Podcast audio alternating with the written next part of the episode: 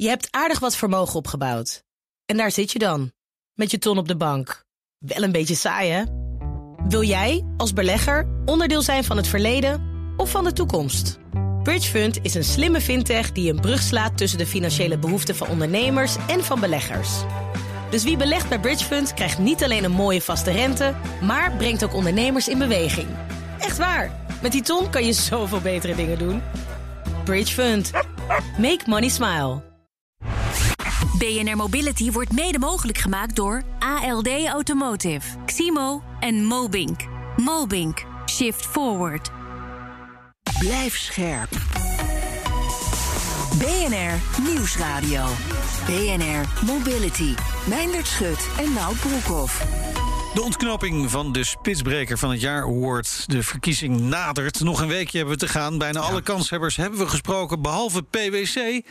Maar dat gaat straks veranderen. Verder aandacht voor het parkeerbeleid van bedrijven. Dat kan echt veel beter. Er is te weinig oog voor irritaties, blijkt het onderzoek dat we zo dadelijk gaan bespreken. Maar we beginnen met Vakgarage. Het bedrijf met uh, bijna 350 garages in Nederland transformeert steeds meer tot mobiliteitsaanbieder. Ja, vandaag is uh, vakgarage Rent aangekondigd. Een verhuurconcept uh, voor zowel particuliere, maar ook zakelijke klanten. En dat is een uh, logische nieuwe stap, zegt voorzitter Vishal Durgaram van de stichting Vakgarage. We zitten op dit moment midden in een transitie waarbij de mobiliteitsbehoeften van, van, van de mens, ja, die verandert gewoon.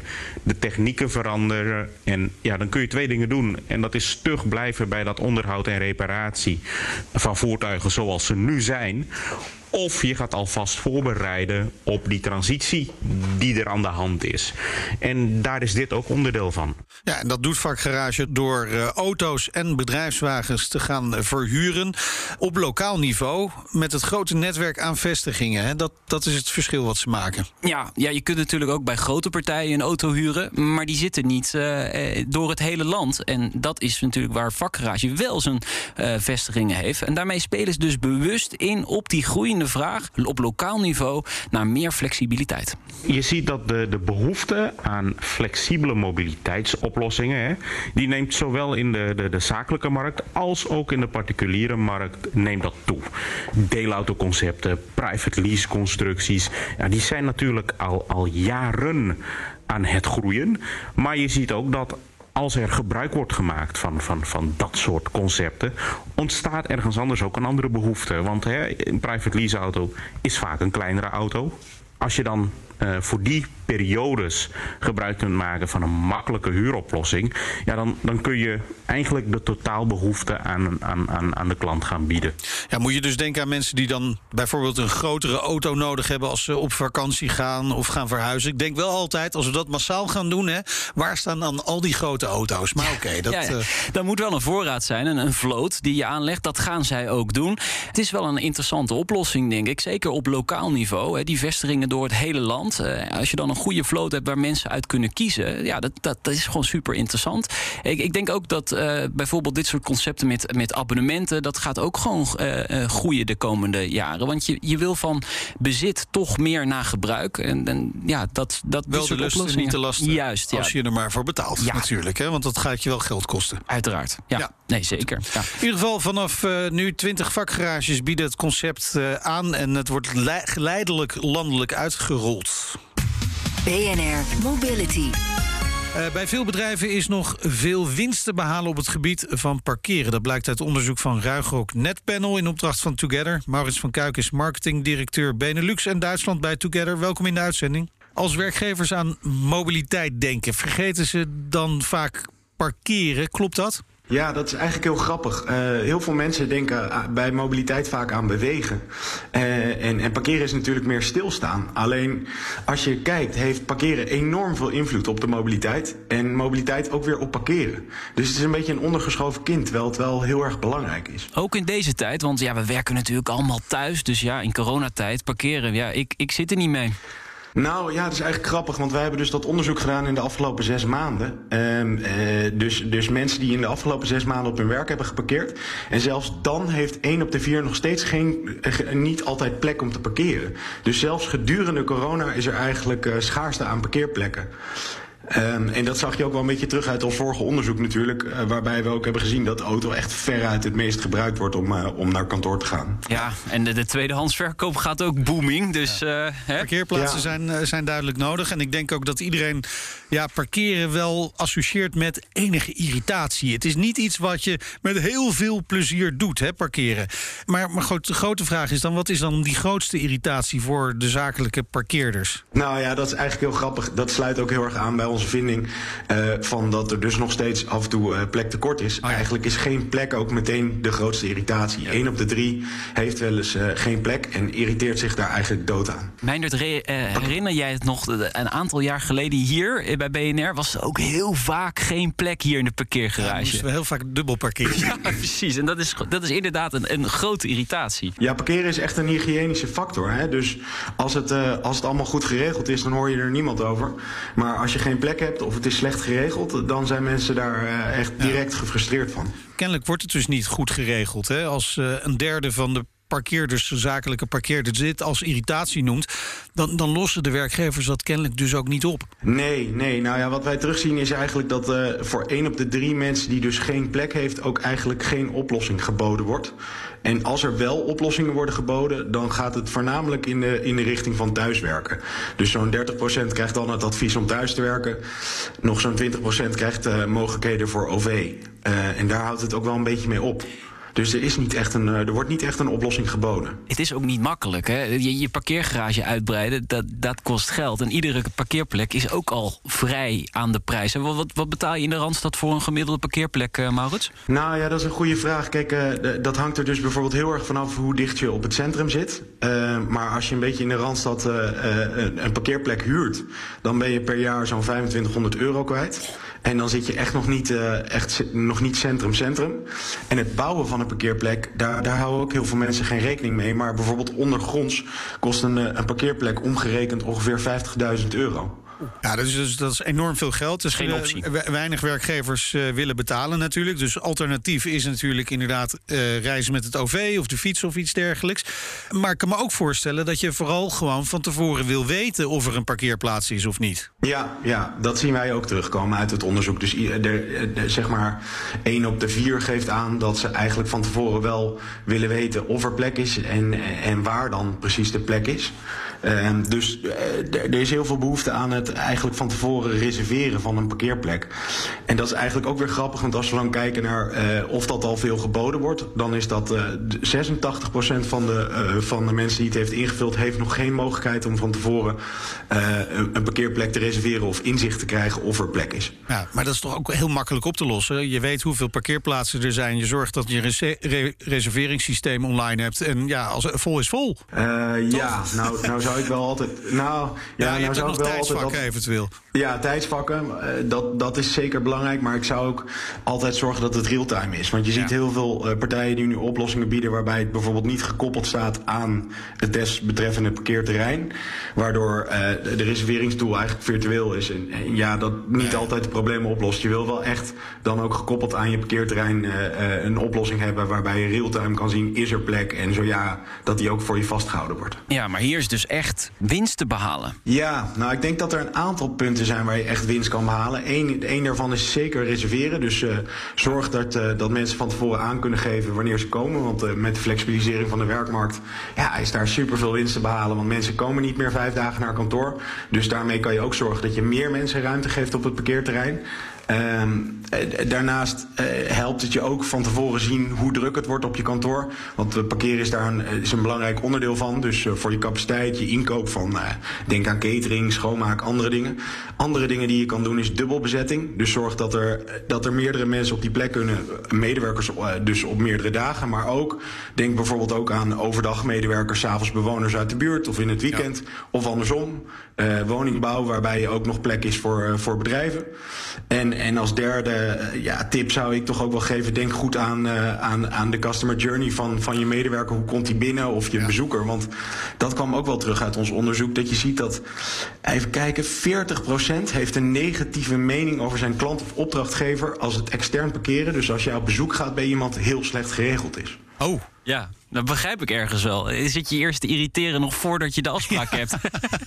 Ja, dus dat is super belangrijk. Dat je die mensen eigenlijk van tevoren bijvoorbeeld al per mail bevestigt uh, of er plek is en waar Ja, ze dan precies. kunnen, kunnen parkeren. Dat ze het niet allemaal zelf hoeven uit te zoeken. Dus, dus transparantie hierover is ontzettend belangrijk. Hè? Want ik kan me ook voorstellen dat je dan denkt... van nou ja, de hele parkeergarage staat vol.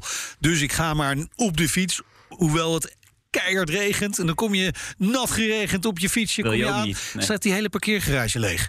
Dat wil je ook niet. Dat zien wij ook veel ja, bij, eh, bij, bij onze opdrachtgevers inderdaad. Dat als dat niet goed geregeld is en mensen dat niet van tevoren kunnen zien... dat daar enorm veel frustratie bij vrijkomt. Ja, je moet gewoon de rode loper eh, uit, eh, uitrollen. Hey, even nog wat opvallende uitkomsten uit het onderzoek. Een kwart van de zakelijke parkeerders betaalt zelf de kosten. Dat, dat vond ik best veel, een kwart. Nou ja, de- de- gedeeltelijk of, of, of helemaal inderdaad. Dus dat is inderdaad vrij hoog. Dat betekent dus dat er nog heel veel mensen zijn... die bijvoorbeeld zelf op straat moeten parkeren... en dat eh, volledig zelf eh, vanuit hun salaris moeten betalen, ja. Zal je maar in Amsterdam moeten doen. Ja, Weer dan, een fortuin kwijt. Ja. ja, dat gaat gewoon van je netto salaris af. Dat, dat kan eigenlijk niet Nou, meer daar is ook wel veel om te doen in het nieuws nu natuurlijk. Hè. Dat hoor je ook bij, eh, bij eh, ik geloof, veel leraren in Utrecht en Amsterdam... die voor, verplicht naar, naar hun werk moeten natuurlijk om les te geven... en dan eh, zelf moeten betalen.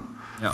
Een ander puntje is natuurlijk eh, de laadmogelijkheden. Hè? Eh, steeds meer, Ja. zeker zakelijke rijders, eh, die rijden elektrisch. Dan kan ik me voorstellen dat je dan ergens ook wil laden als je gaat parkeren. Nou weet ik hoe onze parkeergarage eruit ziet. Er is niet zo heel veel mogelijkheid, Nout. Nee. Maar wel steeds meer. Maar toch vindt slechts 10%... Die vindt eigenlijk dat er meer laadmogelijkheden voor elektrische auto's zouden moeten komen. Dat vind ik dan heel weinig eigenlijk. Ja, dat viel ons ook wel op. Dat dat nog niet echt een issue is. Of in ieder geval een beperkte issue is. Eh, de verwachting is uiteraard wel dat dat gaat komen. Maar eh, voor nu hebben eh, mensen daar blijkbaar nog niet echt een, eh, een, een issue mee. Wel is het natuurlijk zo dat, eh, dat mensen bijvoorbeeld ook in de stad of, of thuis eh, oplaadmogelijkheden hebben. Dus misschien dat ze nu ook gewoon een andere plek kiezen om, eh, zijn om op te mensen met een, eh, met een oprit, met een eigen laadpaal. Dat zou kunnen. Ja. Ja. Maar Ja. bedrijven hebben zelf ook wel die parkeergarage. Het is niet makkelijk om zomaar even een laadpaal in een parkeergarage aan te leggen. Dat, dat, daar komen wel even wat dingen bij kijken. Ja, dat is ook met stroomverbruik. Dus eh, de verdeling van je stroom. eh, de- ik heb daar toevallig vrijdag met iemand een, een gesprek over gehad. En het kan zomaar zijn dat als de stroomverdeling niet goed is, dat je dus ook problemen krijgt met het feit dat je wel de hele dag aan de laadpaal hebt gestaan, maar eigenlijk niet bent opgeladen. Dat willen we niet hebben. nu. Nee, dat zou weer een volgende irritatie zijn. Goed, eh, dankjewel voor dit eh, inzicht. eh, Maurits van Kuik, marketingdirecteur Benelux en Duitsland bij Together. En het hele onderzoek is binnenkort terug te vinden op de website van eh, Together. Spitsbrekers. Vijf bedrijven maken kans op de spitsbreker van het jaar award. Ze komen één voor één langs in dit programma, Nout. We hebben ze bijna allemaal gesproken. Het begon natuurlijk met Sweco, gevolgd door Unilever, eh, de ANWB, vorige week AFAS Software. Ja, en dan blijft er nog één over. Ja, PwC. Ja, met bijna 6000 medewerkers. Kijk, en eh een van die 6000 is Renate de Lange, partner en lid van de Raad van Bestuur bij PwC Nederland. Welkom, leuk dat Ja, je er leuk bent. hier te zijn, dankjewel. Eh, ja, dat is ook even een uitje hè? in deze tijden. Toch? Ja. Ja. Zeg, nog een week eh, tot de ontknoping. De spanning stijgt natuurlijk. Eh, ben je ook zo benieuwd wie het gaat worden? Uiteraard, uiteraard. Maar ik vroeg net al even van wat is het gevoel na die eerste afleveringen. Eh, maar ik begrijp dat er over het algemeen heel veel energie vandaan kwam. En ik denk dat dat het allerbelangrijkste Zeker, is. Dus dat zeker. we met z'n allen een stap naar voren zetten. Zeker. Nou, laten we dat hopen dat dat nu ook Ja. weer gaat lukken. Je moet natuurlijk wel eerst dit gesprek nog even doorslaan. klopt, dat klopt. Eh, om, om te beginnen, waarom doen jullie mee aan deze spitsbrekersverkiezing? Nou, dat is een hele goede vraag. Wij vinden het belangrijk om eh, te vertellen over wat wij doen. Eh, ook omdat we heel veel lessen hebben geleerd over wat niet werkt, wat lastig is. Eh, en van die ervaring kunnen andere bedrijven en organisaties ook weer hun voordeel doen. En ik denk, we hebben best wel een hele mooie app ontwikkeld waar we heel trots op zijn. En eh, nou ja, daar willen we ook graag over vertellen. Dat mag de wereld wel even weten. Zullen we daar dan meteen mee beginnen? Wat, Ja. wat is die app? Nou, als je kijkt, en eh, ik denk, eh, jullie hebben gesprekken gehad over flexibel reisbeleid en verduurzaming van je reisbeleid. Dan is het ook ontzettend belangrijk om eh, mensen ruimte te geven. Om keuzes te maken. Enerzijds omdat ze, door ze meer inzicht te geven. Nou, wat is nou de impact bijvoorbeeld op de tijd die ik in de auto zit, de reistijd die ik heb, of de tijd dat ik in een vliegtuig zit? Eh, hoeveel uitstoot brengt dat met zich mee? En eh, dat geldt uiteindelijk niet alleen voor onze mensen, ieder voor zich, maar ook voor die totale organisatie. En onze mensen ook te helpen om dat gesprek aan te gaan met de mensen om hen heen, met hun klanten en uiteindelijk veel breder in die maatschappij. En je ziet, doordat iedereen nou, eigenlijk real-time inzicht heeft in zijn of haar footprint, ook ten opzichte van een ander jaar, kun je dus ook zien wat jij kunt bijdragen aan die ambitie van de totale organisatie. Nou, die, die, die app heet de Environmental Footprint Insights Tool. Die is dus wel heel erg gericht op ja, CO2-uitstoot, zou je kunnen klopt. zeggen. Maar zijn medewerkers daar dan echt actief mee bezig? Uh, ik denk dat een heel groot deel van onze mensen daar wel degelijk mee bezig zijn. De vraag is hoe actief. Uh, nou ja, dat hopen we nu dus te meten door dat inzichtelijk te maken. Uh, maar het gaat ook uiteindelijk over. Kijk, we hebben een beleid uh, wat uh, keuzes over mobiliteit stimuleert. Maar het gaat ook over gedrag. 6000 mensen maken iedere dag een mobiliteitsbeslissing. Over hoe zij uiteindelijk ontmoeten met hun collega's, met mensen om hen heen. Wanneer ze reizen, of ze reizen en op welke ja. manier ze reizen. En wij geloven door hen iedere dag inzicht te geven in hun reisbeweging. Even dat die dat, spiegel voorhouden. Ja, ja, dat ze dat bewuster ja. maakt. En die tool zet echt aan tot ander reisgedrag? Ja, ik, uh, dat nee. is altijd de proef is in de pudding. ja, want uh, alle papier is geduldig, maar ook technologie kan soms geduldig zijn. En de eerste reactie van mensen is ook inderdaad te zeggen... ja, het doet het toch best wel iets. Ja, vind je? Dat is natuurlijk wel een terechte vraag, hè, Van nou, want als we iets weten, iets geleerd hebben de afgelopen jaren, dat is gedragsverandering ongeveer het moeilijkste wat er is. Nou, en nou. wij als mensheid hebben een virus nodig gehad om uit die auto te stappen, om uit die files te stappen. Uh, dan kun je afvragen of zo'n app dan inderdaad voldoende is. Niet alleen. Om dat vol hè, te want, houden. dat is een heel terechte vraag. We hebben het op het moment dat de COVID kwam, dacht ik, oh, dat is best wel een heel mooie periode waarin ja. we dus leren dat het anders kan. En hoe hou je dat gevoel vast? En dat is dat gevoel van bewustwording dat het anders kan en dat je keuzes kunt maken. En dat wil je eigenlijk stimuleren door met die app iedere dag weer dat inzicht te geven. Ja. Maar de meest duurzame reis is, is geen reis. Ja. ja. Dat Dus- klopt. dus, nou, eh, ja. maar- ja, maar je, volgens mij, wij zijn allemaal mensen. We vinden het ook van, jullie zeiden het al aan het begin van dit gesprek, een uitje. Ik denk dat het ook fijn vinden en belangrijk is om elkaar van tijd tot tijd fysiek te ontmoeten. Uh, maar dat je daar wat bewuster mee bezig bent. En ook wanneer je reist, dat je daar wat beter over nadenkt. Dat helpt denk ik iedereen uiteindelijk. Ja, en mobiliteit maakt gelukkig, hè, Nout? Dat je is weet het. 100 Belangrijk. 100% Maar thuiswerken is ook wel integraal onderdeel hiervan. Dat klopt. Het start uiteindelijk het start met een beleid. En beleid in keuzes, in hoe je reist. Maar ook dat je een deel van je tijd thuis kunt werken. Dat faciliteren we ook. En dat helpen mensen ook bij. Door ook die thuisomgeving daarop uh, in te richten. Maar in het maken van die keuzes, uh, nou ja, goed, dan is volgens mij gedrag is dan ook heel Ja. belangrijk. Van voelen mensen ook de ruimte om andere keuzes te maken en daadwerkelijk later te gaan rijden, niet te gaan rijden en niet ten, alleen ten opzichte van hun team, maar ook ten opzichte van hun klanten. Ja. Ja, dat is natuurlijk heel belangrijk. Maar hoe, hoe faciliteren jullie dat? Hè? Want je moet een, een goede thuiswerkplek hebben. Nou, dat regelen jullie. Uh, maar je moet ook een soort beleid daarop voeren. Ja, we hebben, een, uh, we hebben überhaupt een best wel flexibel reisbeleid. Uh, en wij hebben ook uh, heel nadrukkelijk nagedacht over nou, wat betekent nou uiteindelijk misschien wel deze nieuwe realiteit waarin het meer dan ooit normaal is om een deel van je tijd thuis te werken. Ja. En hoe kun je dat faciliteren? Maar ook op een manier die iedereen past. Want voor de een is het heel fijn juist om wel vijf dagen naar kantoor ja. te gaan. Uh, omdat ze alleen zijn op een hele kleine kamer. Terwijl anderen het heel fijn vinden om wat vaker thuis ja. te zijn. Dus we hebben gezegd, nou, wij denken dat iedereen gemiddeld ongeveer twee dagen van de week thuis zal zijn. Maar uh, not, uh, niet voor iedereen hetzelfde. Dus ga ik vooral in gesprek met je omgeving over wat past. Dus geen norm. Je stelt geen norm. Nou, wij stellen geen harde norm. We Nee. proberen mensen ook wel keuzevrijheid erin te Hoe, hoe zien geven. de kantoren er eigenlijk nu uit van PwC? Eh, nou, wij waren een al overgestapt. galmende- galmende- Helemaal Nou, gestript. nee. Het is minder leeg dan, eh, ik denk, eh, wat is Ja. het, anderhalf jaar geleden. Ja. Eh, maar het is wel veel leger dan twee jaar geleden. Dat klopt. Ja, ja, Ja. saai.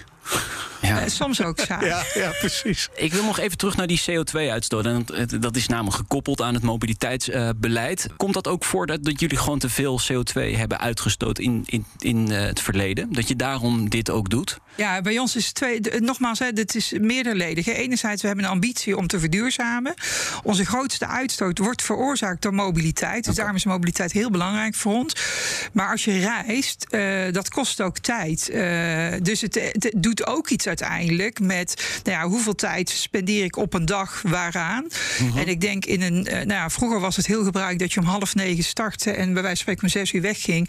Dan was de tijd om van A naar B te bewegen ook nog eens veel langer. Ja. Dus kun je nou uiteindelijk door daar flexibiliteit in te bieden, mensen ook de ruimte bieden om te kijken, nou oké, als ik dan beweeg, doe ik dat wanneer het ertoe doet, op een moment dat relevant is en niet altijd in dat standaard stramien zoals we gewend waren. De jury van Spitsbrekers kijkt ook altijd of de, de, de kandidaten andere bedrijven inspireren.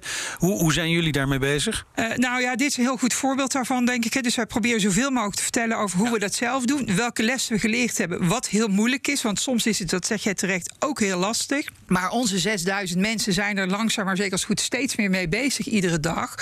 En komen een heel groot deel van hen komt ook iedere dag in contact met hun klanten. En doordat ze, nou ja, doordat ze daar zelf over in gesprek zijn, nemen ze dat ook mee naar hun klanten. En eh, nou, daarmee hoop ik uiteindelijk dat we samen met onze klanten daar een extra stap kunnen zetten. Gaan we naar de slotvraag. Waarom moet PwC de Spitsbreker van het jaar award winnen? Nou, eh, voor mijn gevoel eh, verduurzaming en flexibilisering. En dat enerzijds door beleid, want dat is nodig om dat kader te schetsen. Maar daarin binnen ook heel duidelijk aandacht hebben voor hoe doe je dat dan? En hoe verander je de cultuur? zodat je het echt maakt, dat wat je belooft te doen. Ja, en op een makkelijke manier natuurlijk, omdat je het implementeert met een app. Met een heel visueel tot de verbeelding sprekende manier. Ja. Dat klopt. Dankjewel, Renate de Lange, partner en lid van de Raad van Bestuur van PwC Nederland. Over een week. Heel spannend. Ja, precies. Dan reikt de jury de, eh, de Spitsbreker Award uit. Wellicht dat PwC de winnaar is. Maar het kan ook maar zo zijn dat een van de andere vier kandidaten de winnaar is. Ze zijn allemaal terug te luisteren, Ja, toch nou? de gesprekken die eh, we hier gevoerd hebben in eh, de uitzending die, met die kanshebbers... die verschijnen deze week op bnr.nl slash spitsbrekers. Allemaal, alle vijf tegelijk. Hè. Dat is wel het eerlijkste. Dan kan iedereen zijn eigen mening vormen over al deze toch wel mooie initiatieven Ja, om. Nederland mobiel te houden. Die gaat, nou, ik denk dat een deel van de jury heeft alles al gehoord. Maar even alles terugluisteren is toch wel even belangrijk. Goed, dit was BNR Mobility voor deze week. Terugluisteren kan natuurlijk via de site, onze app. Ook een hele mooie app. Ja, zeker. Apple Podcast, Spotify of welke podcast-app je ook gebruikt. Ja, vergeet je vooral niet te abonneren. Heb je nieuws of andere verhalen voor ons? Mail ons via mobility.bnr.nl. Ik ben Meijnerd Schut. Ik ben Nout Broekhoff. Tot volgende week. Doei.